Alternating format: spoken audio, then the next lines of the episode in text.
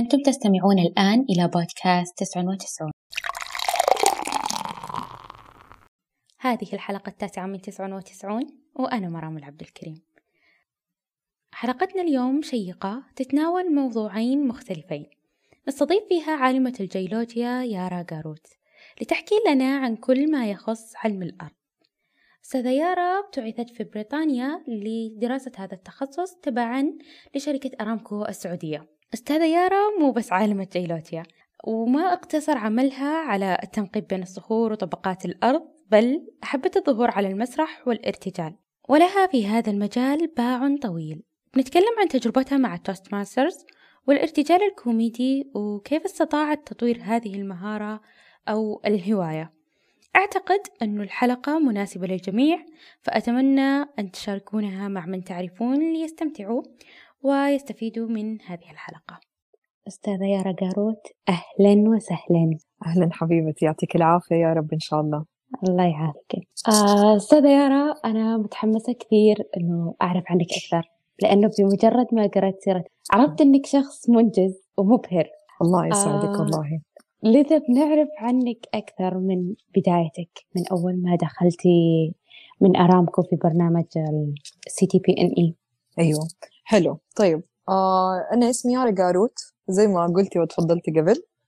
آه أنا أم عندي ولد وبنت والحمد لله لي مع أرامكو تقريبا آه الله يخليك يا رب. تقريبا لي 15 سنة مع أرامكو. من أول ما دخلت آه برنامج ال CDPNE اللي هو ال college preparatory program for non-employees اللي هو بالعربي برنامج التدرج التدرج الجامعي لغير الموظفين. الحمد لله بدأت معاهم سنة 2005 تقريبا. كانت عملية التسجيل جدا سهلة إنه بعد ما خلصت ثانوي تعرف الواحد يشوف إيش ممكن يبغى يدخل يدرس في الجامعة وزي كذا وعلى وقتنا ما كان عندنا خيارات كثير وما كان عندنا التوعية اللي الحمد لله الحين موجودة. من ناحية إنه دحين يعطوا لكل أحد فرصة إنه هم يقدروا يتعرفوا على التخصصات هذه قبل ما يقرروا إيش يبغوا يدرسوا في الجامعة. إحنا للأسف ما كان عندنا هذا الشيء. بس الحمد لله كان عندي كثير من من أهلي ومعارفي وزي كذا والناس اللي حوالينا كانوا عارفين إيش الأشياء اللي موجودة ولا إيش كل تخصص ممكن يعطيني. بس يعني أكيد مش نفس الشيء لما يكون آه، حاجة ما هي ما هي ما هو حاجة بيشتغلوا فيها ولا حاجة هم متعودين م. عليها عارفة إيش قصدي؟ أيوه. فاللي صار إنه الحمد لله قدمت في برنامج أرامكو برنامج الابتعاث حقهم. البرنامج حقهم كان إنه تدرسي سنة سنة تحضيرية في الشرقية. آه إيه؟ في في أرامكو. وبعدها تطلعي أربع سنين آه ابتعاث خارج المملكة.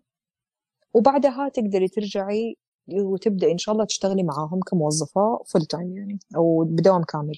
آه الحمد لله قدمت على البرنامج. كيف قدمت؟ عندهم آه عندهم آه اختبارات عشان يقدر الواحد يدخل. طبعا غير نسبة الجامعة نسبة المدرسة.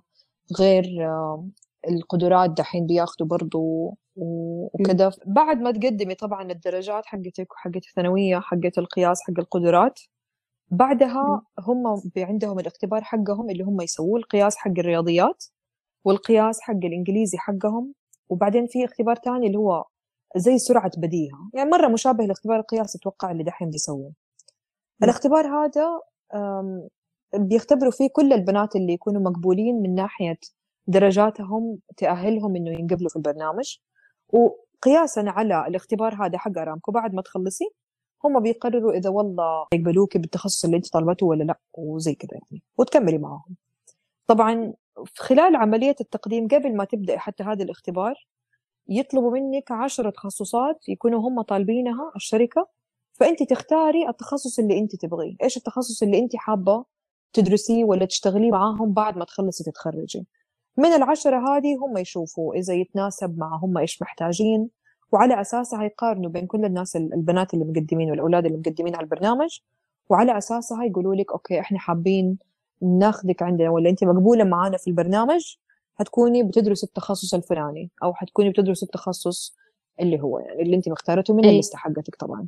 اللي صار بعد الاختبار إنه الحمد لله كلموني وقالوا لي أنت انقبلتي معانا في البرنامج وحابين إنك تدرسي معانا جيولوجيا اللي هي علم الأرض. أنا صراحة ما قد قابلت أحد عندنا في العيلة أو أحد من أقاربنا ولا الناس اللي حولنا اللي كان يدرس جيولوجيا فكان شوية تخصص مش مرة معروف ما أقدر أعرف عنه كثير بس في نفس الوقت يعني تقدري تقرأي بشكل عام في جوجل ولا حاجة إنه إيش التخصص هذا؟ وكل اللي فهمته إنه هو علم أرض. بس من ناحية إيش بالضبط حتكون طبيعة عملي كانت لسه ما غير مفهومة جدا يعني مو مش مرة واضحة. اللي صار آه، دخلت الحمد لله البرنامج السنة التحضيرية اللي في الشرقية في في مقر أرامكو. درسنا رياضيات درسنا كيمياء درسنا إنجليزي وغيرها وطبعا بيأهلونا علشان نختبر آه، اختبار التوفل واختبار الآيلتس. آه، عشان قياس اللغة الإنجليزية عشان نقدر بعدها نقدم على الجامعات بعد ما نخلص السنة التحضيرية. اللي صار الحمد لله دخلت بدأت الدراسات هذه كلها ودربونا الحمد لله سنة كاملة. كانت سنة جدا جميلة صراحة. تعرفت على تعرفت على ناس مرة كثير من أهل الشرقية. كونت صداقات مرة مرة حلوة ولين دحين ضالة معايا يعني بصراحة وكلنا بنشتغل في أرامكو الحمد لله.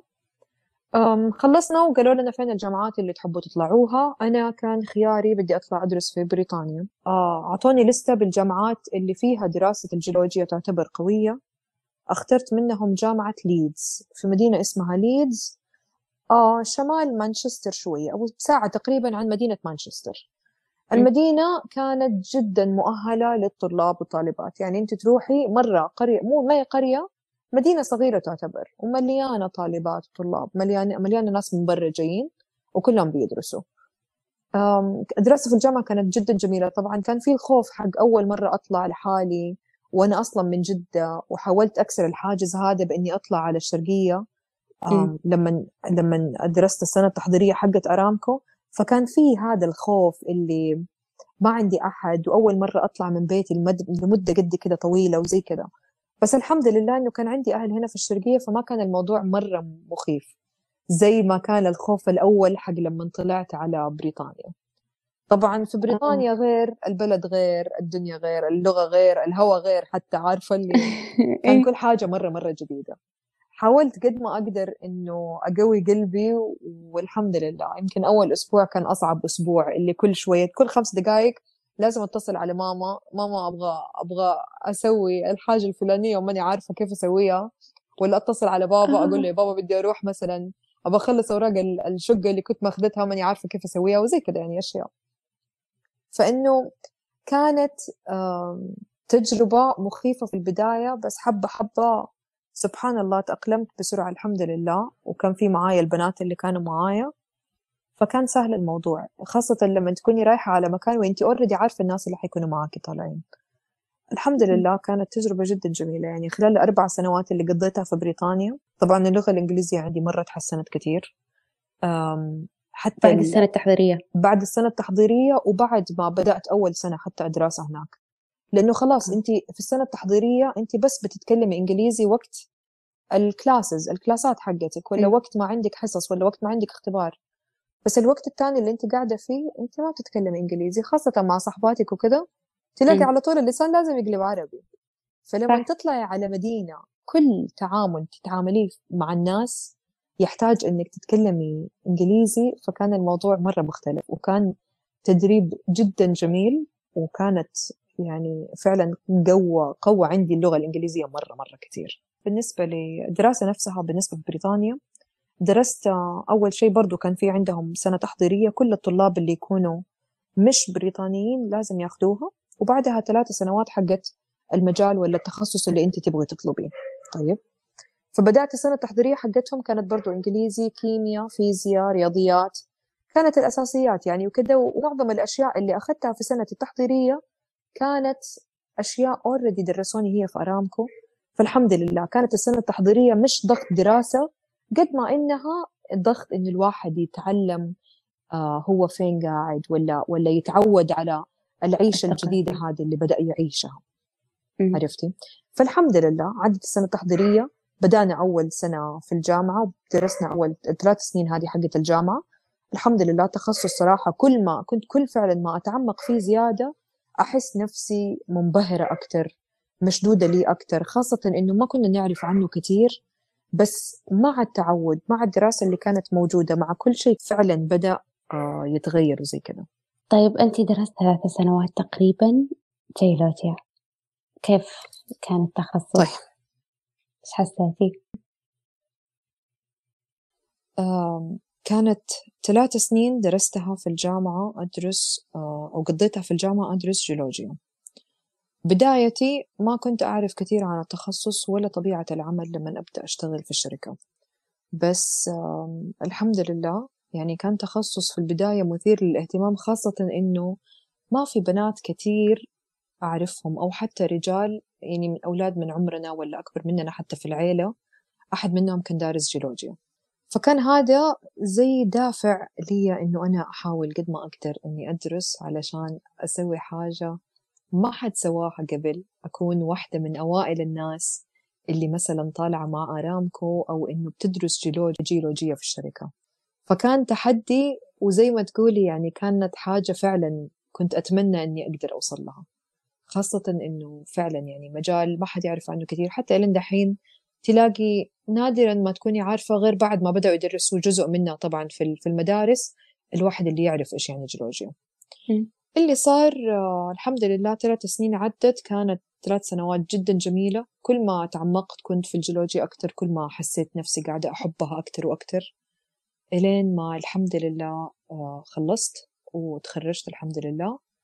اتخرجت سنة 2011 ورجعت على الشرقية المنطقة الشرقية في الظهران وبدأت أشتغل مع أرامكو. شغلي في أرامكو كان جدا جميل. طبعا أرامكو من أكثر الأشياء اللي, اللي فعلا يتميزوا فيها شركة أرامكو تدريبهم للموظفين. يعطونا فرص جدا كثير حتى بعد ما خلصنا الابتعاث إنه إحنا نتعلم أشياء ونتدرب على طبيعة الشغل بإننا ناخد فترات نشتغل في مختلف الديبارتمنتس أو الأقسام اللي موجودة في الشركة علشان تكون عندك صورة كاملة على إيش الأشياء اللي موجودة وإيش ممكن تبغى تدرسي وإيش ممكن تشتغلي قصدي بعد ما بعد ما خلاص خلصنا فكانت تجربة جدا جميلة. آه، تعلمت كثير من الأشياء اللي موجودة عندنا في الشركة. بطبيعة العمل كجيولوجية ممكن أكون أدقق على المستحثات اللي تطلع تحت الأرض على أنواع المعادن اللي عندي في الصخور على كيف أقدر أحلل هذه الأحجار اللي بنلاقيها من تحت سطح الأرض. ممكن أكون قاعدة بأبني خرائط على على مستوى المملكة كلها من ناحية إيش الطبقات اللي تكون موجودة تحت سطح الأرض. أتوقع دحين وقت كويس إني أبدأ أتكلم فيه عن الجيولوجيا بشكل عام. أيوة أيوة. أحس تحمست أيوة. للتخصص. حلو. لا حتتحمسي أكثر دحين بعد ما أقول لك إحنا إيش نسوي. آه. آه علم الجيولوجيا بشكل عام هو علم الأرض. اللي هو أنت قاعدة تدرسي أنواع الصخور. قاعدة تتعمقي في كيف هذه الصخور تكونت تحت أي أي تغيرات مناخية تحت أي عوامل ممكن تكون مشكلة للصخور هذه سواء كانت رسوبية ولا بركانية ولا أيا كان نوعها. عرفتي؟ عندك بحر دخل على سطح يعني على على المنطقة اللي أنت بتدرسيها بعدين أقل مستوى البحر زي المد والجزر عندنا مثلا هذه كلها أشياء بت يعني بتطلع لك أنواع صخور مش دائما تكون موجودة. أعطيكي مثال عندك مثلا في الأماكن اللي يكون عندك صحاري وهذه يعني البيئة اللي اللي موجودة تطلع لك صخور رملية أكثر بس في البيئة في ال يعني في بيئة تانية مثلا في بيئة عندك موية بحر أو في أعماق المحيط ولا حاجة زي كده ممكن يتكون لك صخر ثاني اللي هو الصخر المصدر اللي هو البلاك شيل إحنا نسميه. عرفتي؟ ففي أكثر من نوع صخور ويختلف أنت فين. طبعا ألوانها مختلفة آه فوائدها لينا نحن ولا كيف ننظر لها برضو مختلفة. وهذا يعني علم جدا جدا كبير.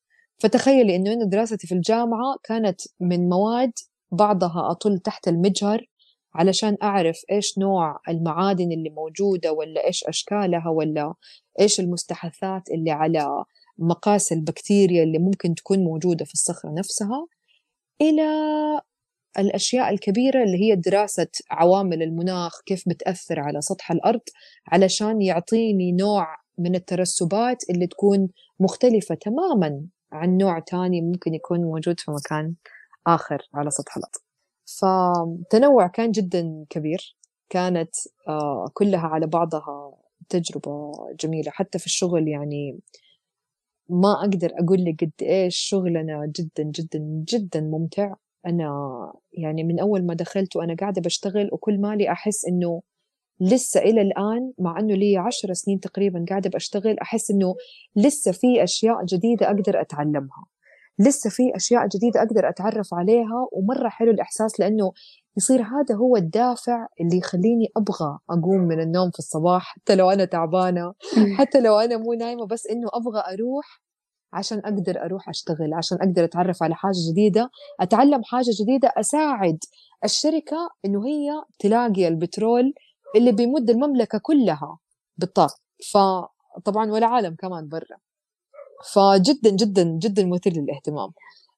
طيب الصخر يعني بما إنك انت يعني أنا مصدومة إنه كل دراساتكم في الصخور صح. مو بس يعني في طبقات الأرض يعني. لا في طبقات أنا الأرض طبعا. أيوه أيوه بس قصدي إنه إيه؟ مركزين على الصخور. يعني أبي أعرف الصخور إيش فائدتها للإنسان؟ لأنه انت قلتي قاعدة تفيدنا. كيف يفيدنا الصخر؟ شوفي الصخر يفيدك لما تكوني بتشتغلي في شركة آه طاقة زي أرامكو مثلا. ليش؟ هذه الصخور إحنا في عندنا طيب خليني أرجع شوي على ورا وأقول لك على حاجة. في حاجة عندنا اسمها النظام البترولي. شو النظام البترولي هذا؟ النظام البترولي هو عبارة عن العناصر البترولية أو اللي إحنا بنستخدمها أو بنطلع من خلالها النفط سواء كان بترول أو كان النفط أو كان غاز. كيف؟ عندك حاجة اسمها صخر المصدر. صخر المصدر عادة تكون فيه له عوامل أو أو فيه له كربون عالي اللي هو الحجر اللي يكون لونه أسود عادة وهو اللي يطلع ال هو اللي اللي ينطبخ فيه النفط والغاز وبيطلع هذه hydrocarbons ال حنسميهم حيطلعهم إلى صخر المكمن اللي هو ال reservoir. ال reservoir أو صخر المكمن هو اللي بيجمع في هذا الغاز والنفط اللي قاعد بيطلع من صخر المصدر. يعني تخيلي كأنها إسفنجة عندك. شفتي كيف بتتعبى موية؟ أيوة. الصخور تحت سطح الأرض زي كده بالضبط زي كده.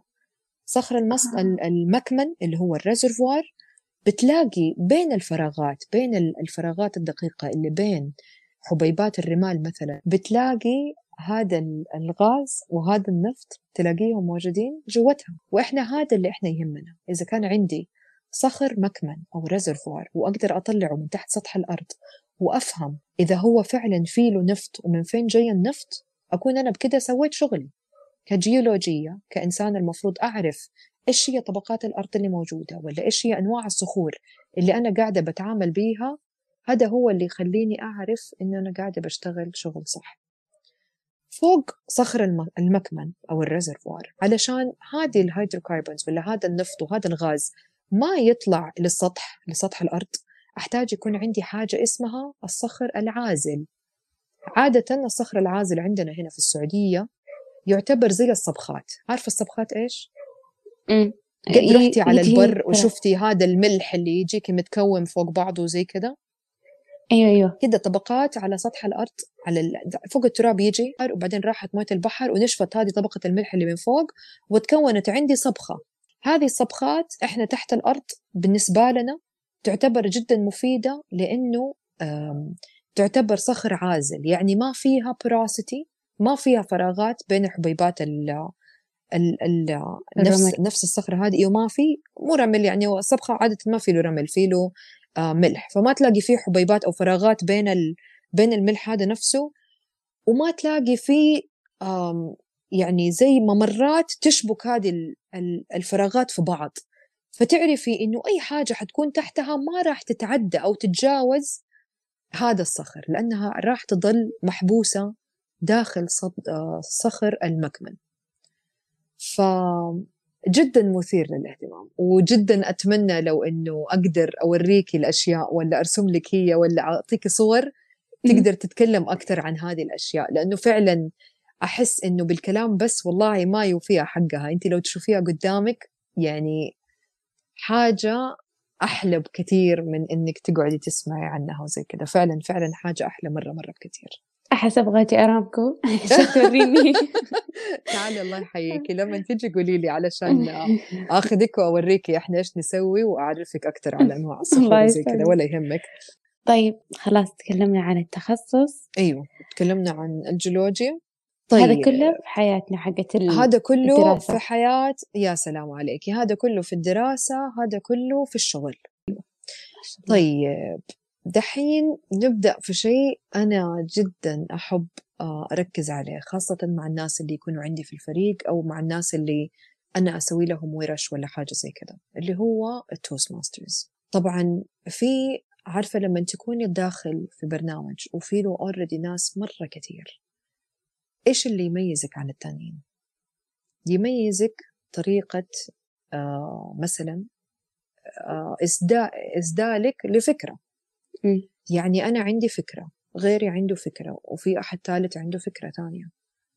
كيف أضمن إنه أنا فكرتي راح أقولها بطريقة كويسة وراح يتقبلها المستمع بطريقة كويسة وراح ينجذب للفكرة حقتي حتى لو كانت نفس الفكرة اللي التاني بيقولها بطريقة إلقائي. فأنا يعني المغزى من الكلام هذا إنه طريقة إلقائي للفكرة هذه طريقة عرضها طريقة سردها هي اللي ممكن يميزني عن أحد تاني هذا الشيء كانوا كان يعني كان مهم بالنسبة لي جدا لأنه لما دخلت أرامكو كان في عندنا presentations مرة كثير وكان في عندنا أشياء لازم نسويها جدا كثيرة من ناحية إنه نبغى نوريهم إحنا إيش تعلمنا في الجامعة إيش فرق عن اللي تعلمناه لما دخلنا وبدأنا نشتغل مع كل ما تخلصي شغل في قسم معين وتطلعي إلى القسم الثاني تحتاجي تسوي برزنتيشن آه تقديم لتق... إيوه زي تقديم على إيش اللي تعلمتيه خلال هذا ال... خلال شغلك في القسم هذا سواء كان لمدة ثلاث أشهر ولا لست أشهر إيش النتائج اللي طلعتي فيها. فكان م. جدا مهم إني أكون أعرف كيف أسوي أو أعرف ألقي presentation أو أقدم الأشياء اللي تعلمتها بطريقة كويسة بطريقة ما تخلي الناس اللي بيحضروا يطفشوا. بطريقة ما تخلي الناس اللي حولي حتى يعني يتضجروا أو إنه ما يكونوا يبغوا يسمعوا لي وأنا قاعدة بأتكلم ولا بأحكيهم أنا إيش تعلمت سمعت عن آه، نادي ال Toastmasters هو يعتبر نادي خطابة عالمي. بمعنى إن هم يعلموا كيف الواحد يقدر آه، يكون خطيب أو خطيبة كويسة. يعني أنا عندي فكرة أتعلم كيف أقدر ألقيها. إيش الأدوات اللي أنا أحتاج أستخدمها؟ حتى لو ما كان عندي سلايدات ولا عرض تقديمي على الكمبيوتر كيف أنا أقدر أتكلم وأشد المستمع لي وللكلام اللي أنا قاعدة بقوله؟ إنه ترى هي أنا قاعدة أقول حاجة مهمة أبغاك تركز معايا. ما أفقد ما أفقد انتباههم ما أفقد ما يتشتتوا معايا ما يكون الموضوع مرة تقيل إنه يطفشوا وما يتبعوا معايا ولا فجأة كده يغفل أحد بعدين فجأة يستوعب إنه رجع ويكون أورد ضايع لأنه أنا أفكاري أصلا مو مترتبة. فصعبة إنه أنا يكون تكون أفكاري أنا مش مترتبة وصعب إنه هو يتلقى أفكار مش مترتبة لأنه على كده ما راح يفهم شيء ولا راح يستوعب ولا حاجة من اللي أنا قاعدة بقوله. فدخلت تدريب Toastmasters الحمد لله كانت فترة جدا جميلة خلال الدوام طبعا كنا أوقات الغداء. كل أسبوعين يسووا وقت غدا من الأيام مثلا يكون في عندهم اجتماع للنادي. بدأت في البداية أحضر بكوني إنه لسه جديدة ما أعرف إيش اللي هم ما أدري إيش بيسووا. فما كنت مرة متمكنة منهم وما أعرف أحد كثير وما أدري إيش بالضبط هم وزي كذا. هو في الشرقية؟ لي كان في الشرقية وكان جوة أرامكو. فكنت يعني أنا مكتبي كان على نفس الدور في القاعة اللي كانوا ياخذوها ويسووا فيها الاجتماع حقهم حق ال Toastmasters فكنت يعني فعلا وقت الغداء كنت أطلع و... وكنا نروح وكنا نحضر نحضر الاجتماع حق النادي حق ال Toastmasters وحبة حبة إلين ما بدأت تتكون عندي ثقة شوية إنه okay بدأت أفهم كيف ال... كيف الاجتماع بيدور. وحبيت إنه أنا كمان أبغى أوقف قدام الناس وأبغى ألقي خطاب وأبغى أحد يجيني ويكون أحد متمكن أكتر ويجي يعطيني تقييم أو الفيدباك أو اللي هو الايفالويشن حق ال ال الخطاب اللي سويته. سواء كان الخطاب حقي خمسة دقائق سبعة دقائق ما تفرق يعني كثير عرفتي؟ إيوه. فبدأت الحمد لله بدأت أقدم الخطابات حقتي. الحمد لله كانت كانت فترة جدا جميلة الصراحة. لأنه فعلا حسيت إني استفدت مرة كثير اتعلمت مرة كثير اتدربت معهم مرة كثير. كنت ألاقي الناس بينبسطوا من الخطابات حقتي اللي أنا أسويها. كنت ألاقي الناس آه، بيستمتعوا معايا. الأدوات اللي تعلمتها سواء كانت إنه إنه أفكاري تكون مرتبة قبل التقديم أو إنه يكون معايا آي كونتاكت مع الإنسان اللي بتكلم معاه ولا مع كل الحضور. إنه ما أكون من من جذبة لطرف واحد من ال من الحضور وأسحب على الباقي. يكونوا كلهم معايا متبعين. من ناحية إني أسأل أسئلة وأخليهم هم كمان يتجاوبوا معايا علشان يكونوا برضو متبعين. أشياء زي كده هذه الأشياء اللي اللي تدربت عليها حبة حبة إلين ما الحمد لله صرت متحدثة. أنا أحب أقول إنه متحدثة جيدة مش مرة wow بس الحمد لله تعلمت هذه الأشياء اللي حتى لما صرت أسوي presentation للشغل صار أسلوبي يبان إنه أنا لا أنا أسلوبي كويس لأنه أنا أفكاري مرتبة لأنه أنا بستخدم هذه الأدوات اللي تعلمتها اللي كانت تساعدني إنه أنا أقدر ألقي التقديم حقي للشغل بطريقة أحسن. فهذا صار يخليني زي اللي بالإنجليزي stand out أو يخليني أتميز عن باقي الناس اللي من نفس عمري باقي الناس اللي اللي زي اللي كانوا بيشتغلوا معايا في نفس ال في نفس ال القسم مثلا إنه هذا اللي يخليني أتميز عنهم. من خلال ال Toastmaster طبعا أتعلقت أكثر وأكثر بحكاية المسرح إنه أكون واقفة قدام مسرح وإني ألقي خطاب وتلاقي الناس كلهم قاعدين بيتبعوا معايا وبعد ما أخلص يجوني ويتكلموا معايا. آه، في شهادات طبعا لما تدخلي على ال Toastmasters وتبدأي تتعلمي فن الخطابة وزي كذا تبدأي يعني زي اللي كأنها آه، أدوات كل ما تعلمتي من أداة ولا كل ما خلصتي خطاب تطلعي للخطاب اللي بعده يكون أصعب ولا يكون يبغاكي تركزي على حاجة تانية أنت ما ركزتي عليها في الخطاب اللي قبله. فكأنها تدرج الموضوع. في نهاية م. هذه نهاية هذه الخطابات اللي سويت بعدها على طول أخذت اللي هو آه، شهادة. شهادة آه، متحدثة آه، لبقة عرفتي؟ أو أو متحدثة متمكنة. اللي صار بعد ما أخذتها حسيت إنه حبيت هذا الشيء اللي أنا قاعدة بسويه. حبيت هذا الشيء اللي أنا قاعدة أسويه من ناحية إنه لقيت إنه أنا فعلا قاعدة أسوي شيء كويس من ناحية إني أنا أطور من نفسي. بس في نفس الوقت كانوا في ناس مرة كتير بيجوني وبيقولوا لي إحنا نبغى نصير زيك. ف لقيت نفسي مشدودة شوية ل... ل... ل... لفكرة إنه أصير أنا أدرب الناس. حبة حبة صرت أخذ مثلا واحد يكون دوبه جاي على Toastmaster على ال Toastmaster الجديد وأبدأ أعلمه كيف الاجتماع يكون. كيف كيف ترتيب الخطاب يكون إيش الادوات اللي يحتاج يتعلمها عشان أول خطاب عشان ثاني خطاب عشان ثالث خطاب وهكذا. برضو جاتني فرصة إني أشارك في مسابقات. المسابقات هذه كانت على مستوى آه، النوادي اللي موجودة في أرامكو ولا على مستوى النوادي اللي في المنطقة الشرقية. سواء كانت نوادي على على مستوى أرامكو ولا على مستوى النوادي في المنطقة الشرقية ولا حتى على مستوى المنطقة السعودية المن... يعني المملكة العربية كلها. أيوه بالضبط. من المسابقات اللي يسووها عندهم خطاب كوميدي آه اللي هو ترفيهي آه كوميدي. وعندهم خطاب خطاب عالمي يعتبر international speech عندهم حاجة تانية اللي هي أسئلة الشارع اللي هي ال impromptu speaking اللي هي الأسئلة اللي ما تكوني تعرفي إيش السؤال تطلعي فوق المسرح يسألوكي أسئلة وفجأة لازم بعد ما يسأل السؤال عندك دقيقة ونص تجاوبي على السؤال هذا. عارفة اللي أنت ما تعرفي السؤال أنت ما تعرفي إيش حيجيكي ويلا. يسأل السؤال لازم تجاوبي عليه خلال دقيقة دقيقة ونص دقيقتين بالكثير وتخلصي خطابك. وطبعا لما تجاوبي السؤال لازم يكون عندك مقدمة لازم عندك لب لازم تنهيه بطريقة وتجاوبي على السؤال خلال خطابك. فإنه كان تحديات جدا جميلة صراحة. أنا كنت مرة أنبسط لما أطلع أسوي أسئلة الشارع هذه أو ال impromptu speaking ولا آه هذه ال impromptu questions اللي كانت تطلع لي صراحة. كانت table uh, topics يسموها. الأسئلة آه مثل كانت إيش؟ جدا جدا. مثلا يجوكي تكوني انت مثلا طالعة أقول لهم okay أنا بدي أسوي table topics اليوم. طيب تفضلي عرفينا بنفسك أنا اسمي يارا. okay سؤالك هو بالعربي حقوله. مثلا آخر ذكرى لك تفتكريها كنت فيها جدا سعيدة وليش؟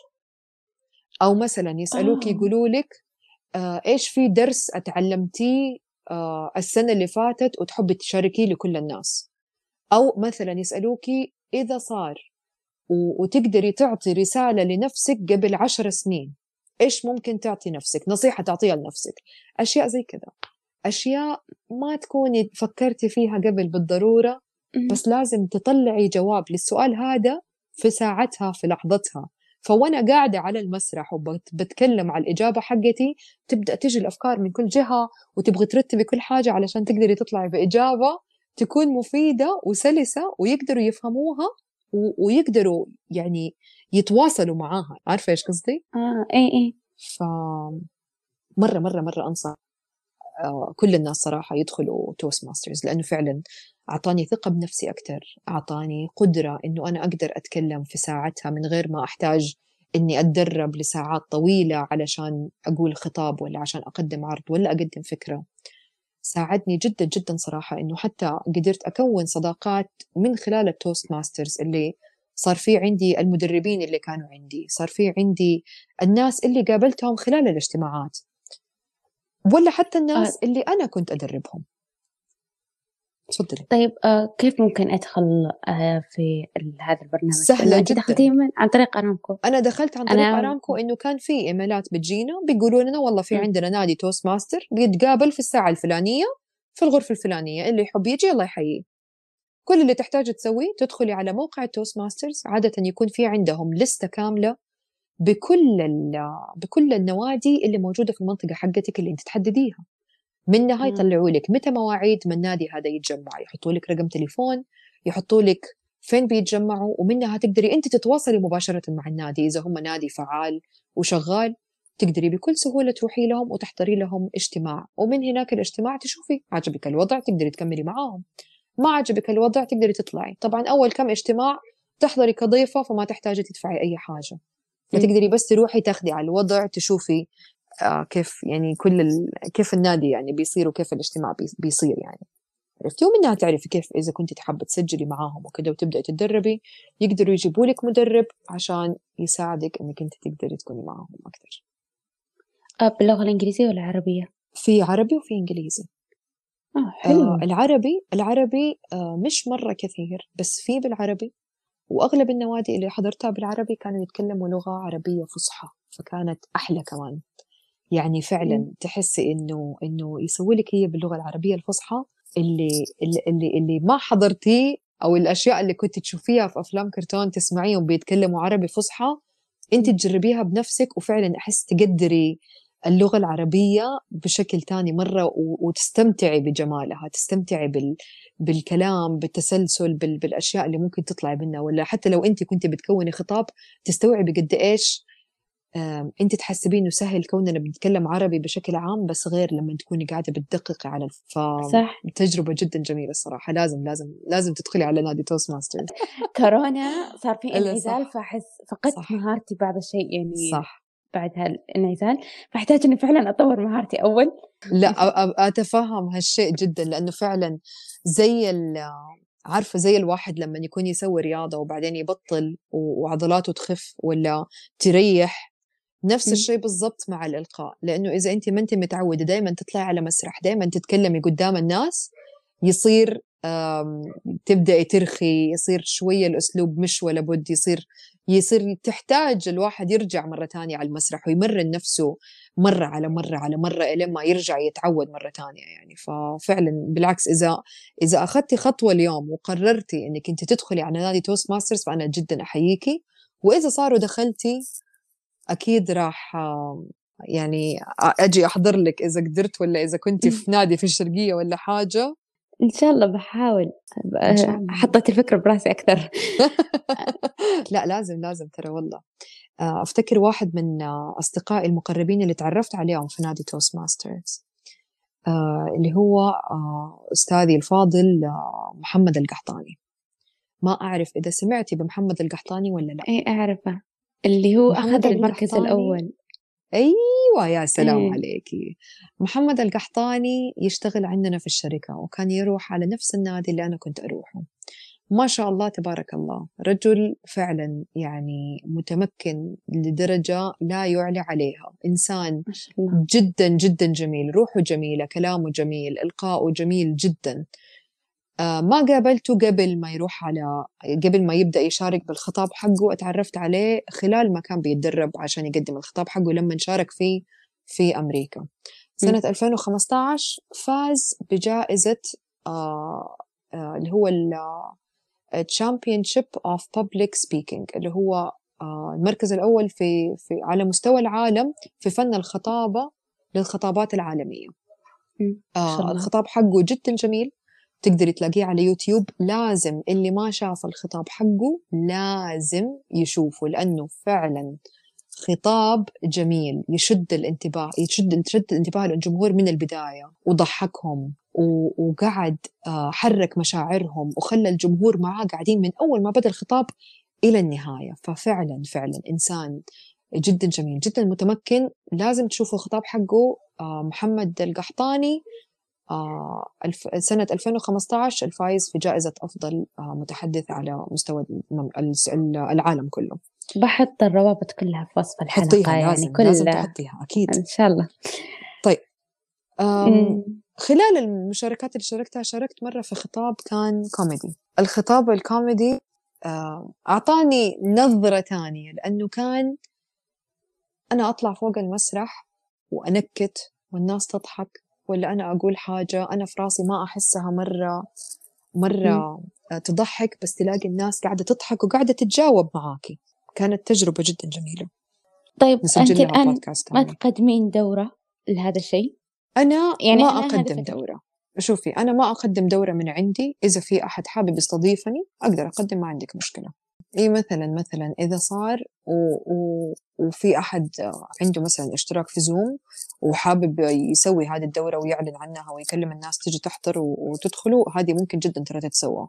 وهذا اللي سويته قبل مع فرقة عون. فرقة عون عندهم صفحة على انستغرام وفي عندهم الروابط حقت هذه المحاضرات كلها موجودة برضو يعني فتقدري تشوفيها ولا إذا تعرفي أحد يبغى يسوي نقدر نسوي يعني.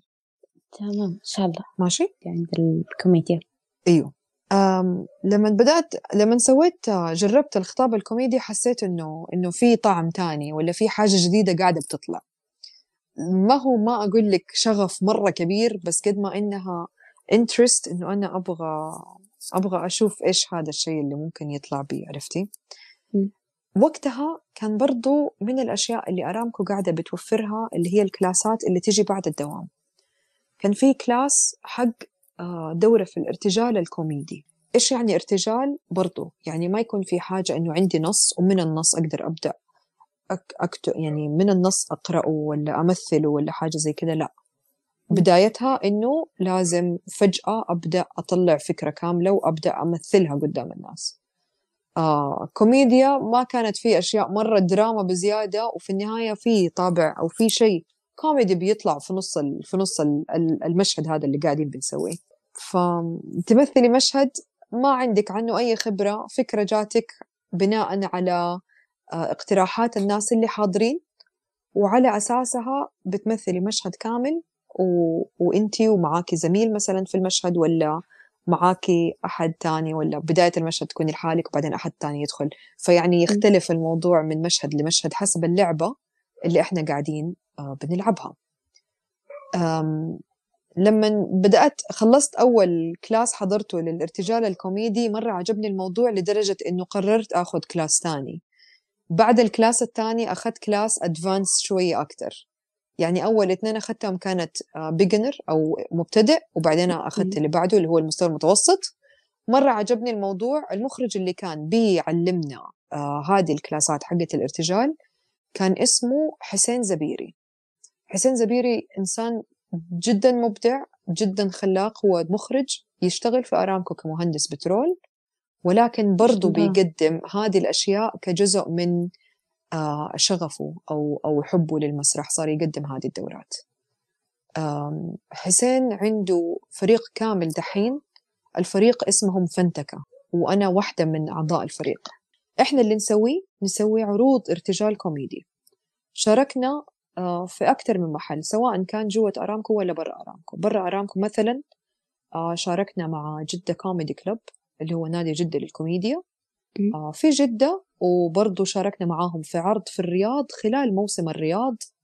آه في ليالي الرياض الكوميدية اللي كانت نهاية سنة 2019 قبل كورونا على طول. فهذه واحدة من الأشياء برضو اللي إحنا نسويها. إحنا إيش نسوي؟ نلعب ألعاب ارتجال. آه نعطي كلاسات. إذا أحد حابب يتعلم ارتجال كوميدي نعطي كلاسات للناس هدول.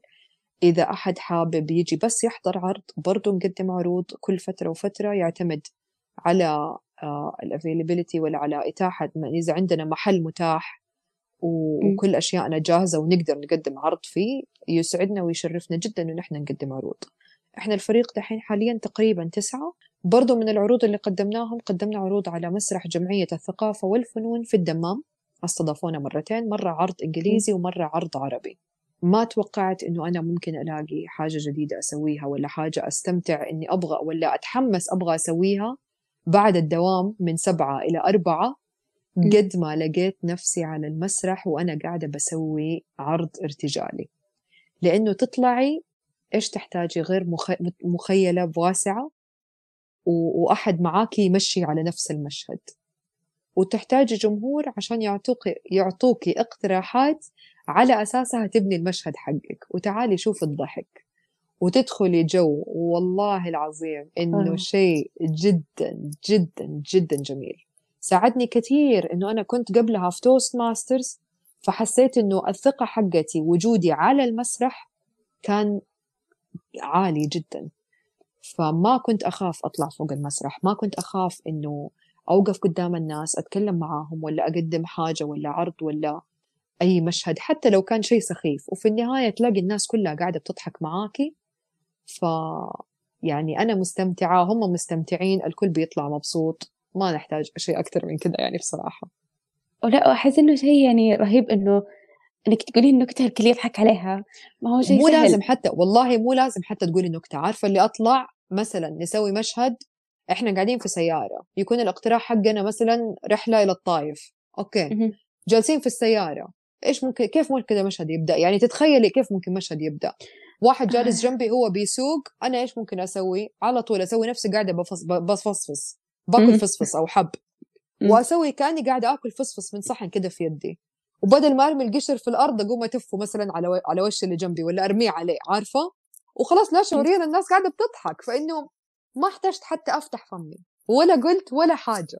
كلها بس مثلنا أعطينا إيحاء إنه إحنا في سيارة هو بيسوق أنا بفصفص ما فتحت فمي والناس بتضحك already عارفة؟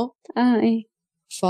فكذا حلو يعني. لا لا جميل جميل جميل جدا جدا جدا جدا أشجع أي أحد يبغى يعرف أكثر عن آه عن الارتجال الكوميدي. في حتى جمعية الثقافة والفنون هنا بتعطي كلاسات. شوفي في ورش ارتجال مقدمة من هيئة المسرح والفنون الأدائية. آه. أيوه هيئة المسرح والفنون الأدائية كل فترة وفترة يطلعوا ورش عمل سواء كانت في الارتجال سواء كانت مونودراما اللي هو الدراما اللي اللي شخص واحد يتكلم سواء كانت من أساسيات التمثيل إذا في أحد عنده آه اهتمام عنده آه يعني يبغى يتعرف أكثر عنها يشوف في موقع هيئة ال... هيئة الثقافة هيئة المسرح والفنون الأدائية راح يلاقي عندهم ورش عمل كثير بيسووهم فتساعد مرة كثير. وأكيد طبعا يقدروا أي أحد يحب يتعرف أكثر يتواصل معايا. ما عندي أي مشكلة أعرفكم أكثر أعطيكم اكزامبلز أكثر وزي كذا ف يعني الحدود السما واللي نقدر عليه إن شاء الله طبعا أحاول أسوي لك وقت ما أقدر. طيب فأنتك يقدمون زي كذا كلاسات أشياء زي كذا؟ نقدم كلاسات أيوه كجزء من فنتك نقدم كلاسات. نقدم عروض كلاساتنا ممكن تقريبا إذا أنا إذا أنا بقدم دورة في فنتكه آه، أقدمها يوم واحد في الأسبوع نتقابل على مدى تسعة أسابيع مثلا كل يوم م. نتقابل. يعني في اليوم اللي نتقابل فيه نتقابل لمدة ساعتين. أعطيكم أساسيات الارتجال من البداية. آخر آه، يوم آخر عرض اللي هو في الأسبوع العاشر يكون عندنا عرض على آه، لجمهور مفتوح. في الكلاسات في البداية تكون إيه. محددة بس للناس اللي تبي تتعلم. بعدها نقول لكم يلا اللي يحب يعزم أهله أصحابه صديقاته أي أحد يحب يعزم اللي يبغى يعزمه يقدروا يجوا الله يحييهم نكون عندنا مكان صغير إنه إحنا نقدر كفريق صغير نقدم عرض آه تكونوا أنتوا يعني اللي جايين بيتدربوا هم اللي يقدموا العرض عرفتي؟ وبعدها أيوه. في عندنا برضو الكورس حق المستوى المتوسط وما تدري ممكن جدا يدخلوا في فريق تاني غير فريق فنتكا ويصير في عندك أكثر من فريق. وفي ترى فرق كثير هنا في الشرقية. منهم آه، فرقة آه، بيت المسرح للكوميديا في المنطقة الشرقية اللي هو بيت الكوميديا. آه، في فرقة كواليس برضو. في في جدة الفريق حق تابع لنادي جدة الكوميدي كلوب نادي جدة للكوميديا. برضو عندهم فرق فمتنوعين جدا حول المملكة. آه طيب كيف أتواصل معاكم؟ في روابط؟ في موقع؟ طبعا. أعطيكي صفحة الإنستغرام حقتنا. صفحة م. الإنستغرام حقتنا عادة كل الأشياء اللي لها علاقة بفنتكة سواء كانت عروض جاية سواء كانت كلاسات ولا دورات جاية أو ورش عمل أي حاجة بنقدمها راح تلاقي منزلين عنها إعلان إن شاء الله في فريق فنتكة. وبرضو إذا حابة تتواصلوا معايا أنا شخصيا على صفحتي على الإنستغرام برضو تفضلوا ارسلوا لي رسالة إذا تبغوا أعطوني تعليق هنا ولا هنا وأكيد إذا في حاجة أنا أقدر أسويها عشان أعرفكم أكثر على حاجة جديدة أنا موجودة وحاضرة للخدمة. آه شكرا لك أستاذة يارا. كل الروابط أو كل الأشياء اللي تكلمنا عنها بالحلقة راح أحطها آه كروابط في وصف الحلقة إن شاء الله. آه استمتعت كثير كثير كثير. آه واستفدت أكثر. بس إنه أنا قاعدة بتكلم معاك وأسمع ابتسامتك وأنت قاعدة بتتكلمي هذا بالنسبة لي معناته أنا سويت حاجة كويسة اليوم. لأنه فعلا في النهاية أنا جاية عندي تجربتي. عندي قدراتي عندي آه الإكسبيرينس حقتي وحابة أعلم أحد ولا أسيب بذرة أزرعها في عقل أحد. ممكن البذرة هذه ما يعرف إيش الأبواب ولا إيش المجالات ولا إيش ممكن تكبر البذرة هذه تطلع وردة تطلع شجرة تطلع جزر بصل أي حاجة حتطلعه. أنا مبسوطة لأنه فتحت باب لشيء جديد ما أحد يعرفه كثير ولا ما كانوا متأكدين منه. إن شاء الله يا رب تكونوا استفدتوا من الحلقة هذه إن شاء الله يا رب تكونوا استمتعتوا فيها قد ما أنا وقد ما عزيزتي استمتعت فيها. أنا جدا مبسوطة صراحة بوجودي معك مرام. أشكرك جدا على هذه الدعوة فعلا شكر لك إنك رديتي هذه الدعوة. عزيزتي أنت أي وقت أنا حاضرة وموجودة آه زي ما قالت الروابط موجودة تواصلوا معي في أي وقت أنا حاضرة وبين إيديك الله يسعدك أستاذة يارا. شكرا لك وشكرا لكل من كان خلف خلف هذه الحلقة. شكرا لكم أنتم مستمعون الأعزاء. نلقاكم على خير الحلقة القادمة. وداعا.